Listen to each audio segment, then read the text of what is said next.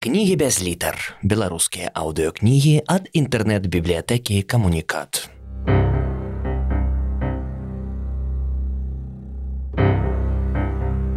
Адам Глобус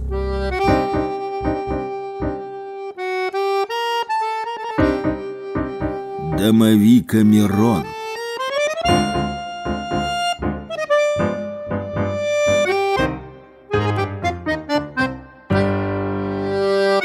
Раздел 45.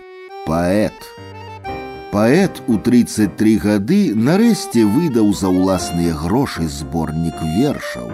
Ён перавёз з друкарні дадому 20 пачкаў з танюткімі брашуркамі і склаў іх пад ложак. З таўсценнай этнаграфічнай энцыклапедыі Беларусі ён дастаў прыхаваныя 500 рублёў і разгубіўся, бо зразумеў, што ён адзінокі чалавек, што сяброў няма, што жанчыны, з якімі зрэдку і сустракаўся, зусім не адпавядаюць урачыстаму моманту ягонага жыцця, што знаёмыя і суседзі проста не зразумеюць, з якой нагоды пасярод тыдня ладзіцца свята. Паэт ліхаманкава гартаў даведнік, пакуль не спыніўся на прозвішчы журналісткі. Тэлефанаваць не хацелася, але і заставацца аднаму не хацелася таксама. У мяне свята выйшла з друку першая кніга, і я прабачце, але я вас не помню, пачуў паэт. Ён змоўк і намерыўся пакласці слухаўку, але замест гэтага набраў поўныя грудзі паветра і працягваў. Паэт выдаў кнігу і мае права запрасіць жанчыну на свята. Праз хвіліну яны дамовіліся, дзе і калі ўбачацца. Паэт з журналісткаю сустрэліся ў тэатральным скверыку. Мяне прывяла сюды прафесійная цікаўнасць, паведаміла яна замест прывітання. Ён падаў жанчыне танюткую брашурку сваіх вершаў. Віншую, журналістка зрабіла кніксэн. Што не раблю адны памылкі з прэс паэту згадаўся ўласны радок. І як будзем святкаваць, журналістка перахапіла ініцыятыву. Трэба ўзяць спиртное, вяла прапанаваў аўтар кнігі. У камісійнай крамцы яны ўзялі Наполеон.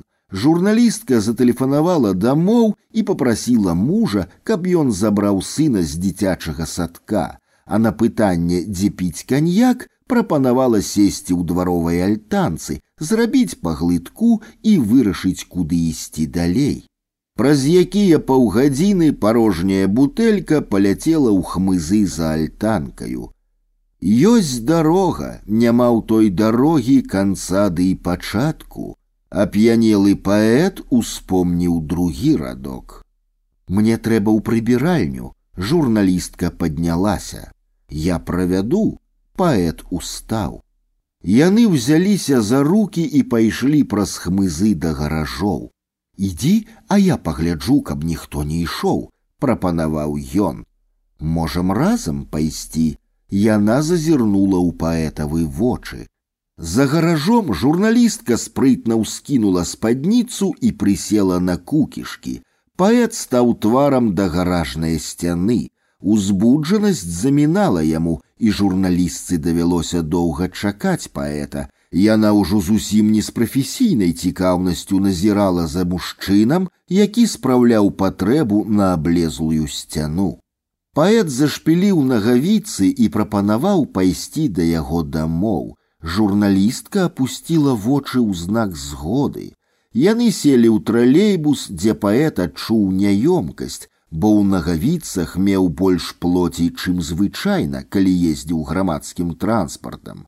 Яму стала зусім ніякавата, калі сутыкнуўся твар у твар са знаёмым тэлеаператарам, і каб выйсці з недарэчнай сітуацыі, паэт не прыдумаў нічога лепшага, як запрасіць яго ў госці. Тэлеаператар узяў ды і пагадзіўся.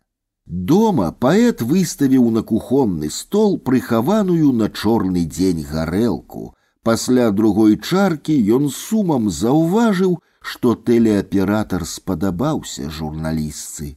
Яна колькі разоў тэлефанавала дадому, і яе голас рабіўся падчас размоў з мужам лагодны да прыкрасці.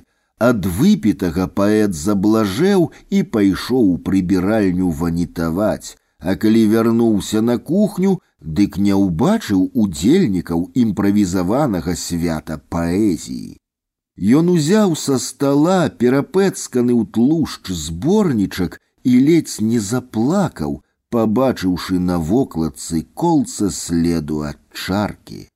З кніжкаю ў руцэ, трымаючыся за сцяну, паэт пайшоў класціся спаць.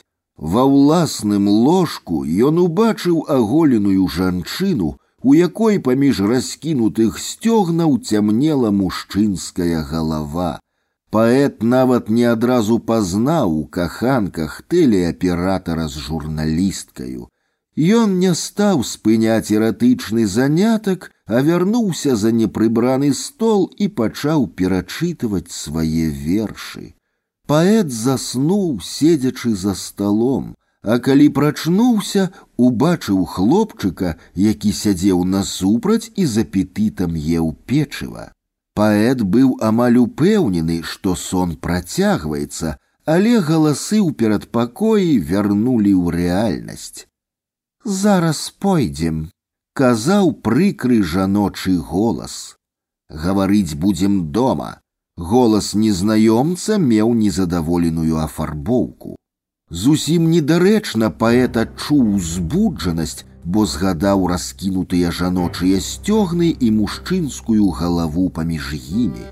Тата, дядька прачнуўся, закрычаў хлопчык, крошки пячэння пасыпаліся з поўнага рота.